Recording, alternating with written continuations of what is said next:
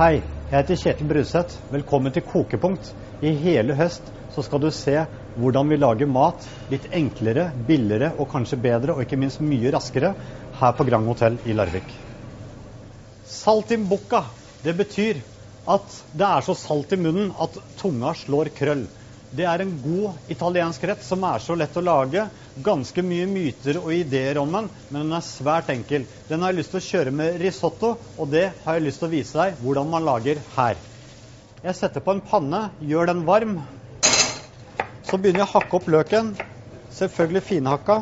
Det samme gjelder selvfølgelig hvitløken. Det hele putter jeg så i en kjele og putter olivenoljen i bunn. Løken svisses nå i ca. 2-3 minutter, slik at den får en gyllen farve. Det viktigste med risotto er at man jobber mye med den. Man skal jobbe hele tiden, faktisk helt til hele risottoen er ferdig. Så har jeg oppi en risottoris, som er en veldig bra type.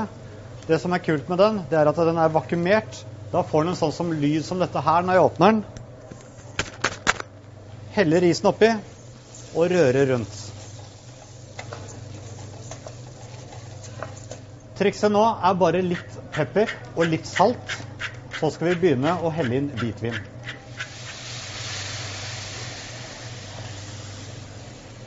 Greia med risotto er at når den første væska er trukket inn i risen, så sper det ut litt ekstra. Når hvitvinen har trukket skikkelig inn i risen, da går vi enten for vann eller gjerne også en mild kyllingkraft. Og topper det hele med litt sitronzest. Setter den over på mindre varme, så er jeg klar for å banke i saltimbukkaen. Men pass på, rør hele tiden. Ikke la den slippe synet ditt, fordi da brenner den seg i bånn.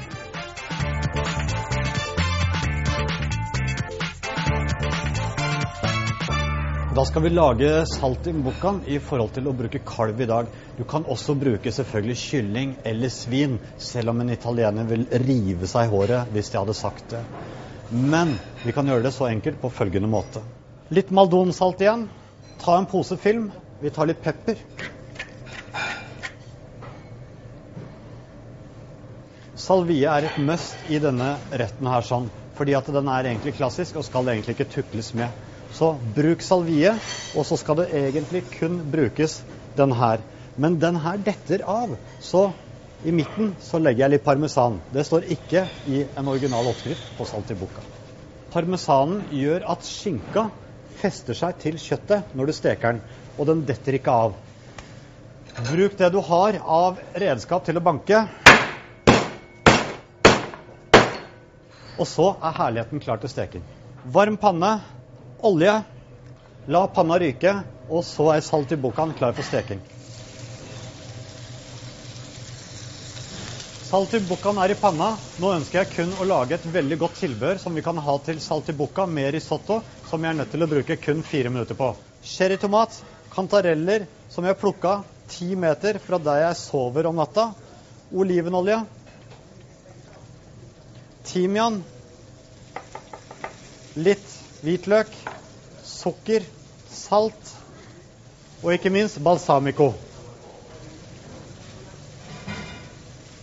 Det hele røres inn i ovnen i akkurat 3 15 minutter i 180 grader. Salt i bukkaen snur jeg på den andre siden. Perfekt stekt. Risottoen er ferdig. Er, den er juicy, det er saft i bånn. Den er litt kjedelig i farve. Enkelt, kun spinat, eller om du har sopp, gjerne kruspersille som du hakker opp, spiller ingen rolle. Bare gi den litt farve, så ser det både friskere ut og morsommere ut. Der saltibukkaen ferdig, risottoen er ferdig, og ikke minst grønnsakene jeg har i ovnen ferdig. Jeg er klar til å legge opp.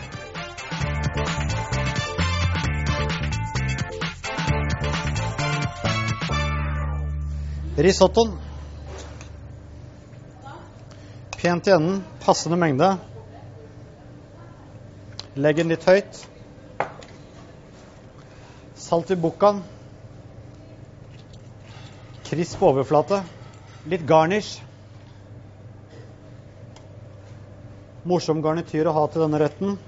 Tomater passer nesten alltid til italienske retter. Det hele topper jeg med litt balsamico.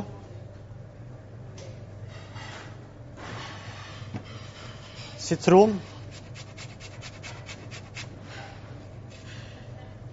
Og ikke minst noe grønt. Vel bekomme.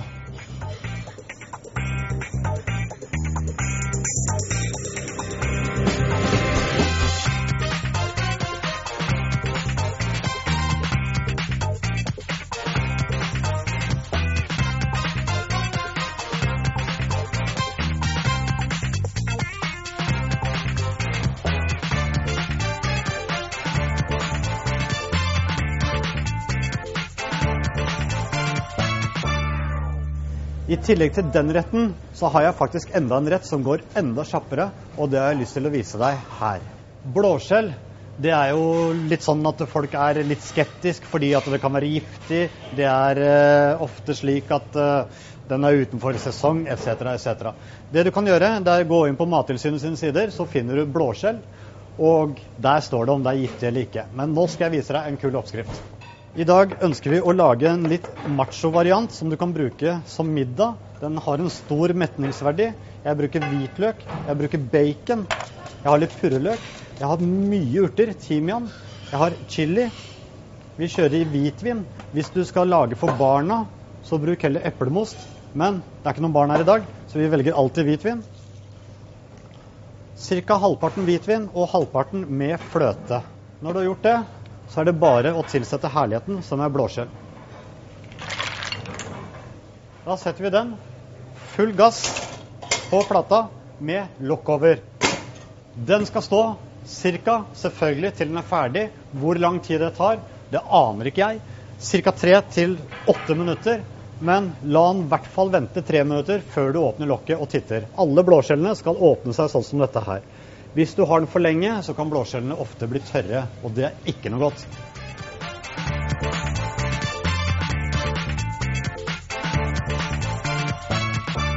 En blåskjell som vokser og skal gro, den trenger vann som sirkulerer hele tiden. Hvor mer det vannet sirkulerer, hvor mer skjegg må den ha for å sette seg godt fast. Og hvis den ikke har skjegg, så betyr det egentlig at han ikke er i vann som sirkulerer. Det skal ca. 500 liter vann gjennom et blåskjell kun på ett døgn. Så det vil si, har han skjegg, sånn som dette her sånn, så er blåskjellet deilig. Og det kan også kokken være.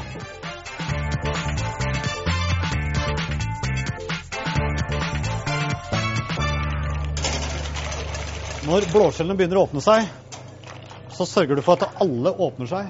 Og det er med å riste lite grann. Når du har gjort det, sett på lokket et halvt minutt til, så er de helt ferdig. Da er de klare. Uh, se på dette her. Det er helt sykt. De har åpna seg akkurat sånn som vi ønsket at de skulle være. De er store, de er ferske, de er fine, de er bløte, og du veit at de er veldig juicy. Nå skal jeg gjøre meg klar til å legge opp.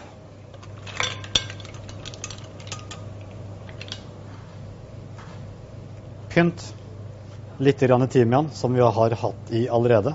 Og skal du være fryktelig gæren, som igjen får både mannen din eller kona di til å gå spinnvill, fersk, deilig chili. Da sier jeg igjen vel bekomme.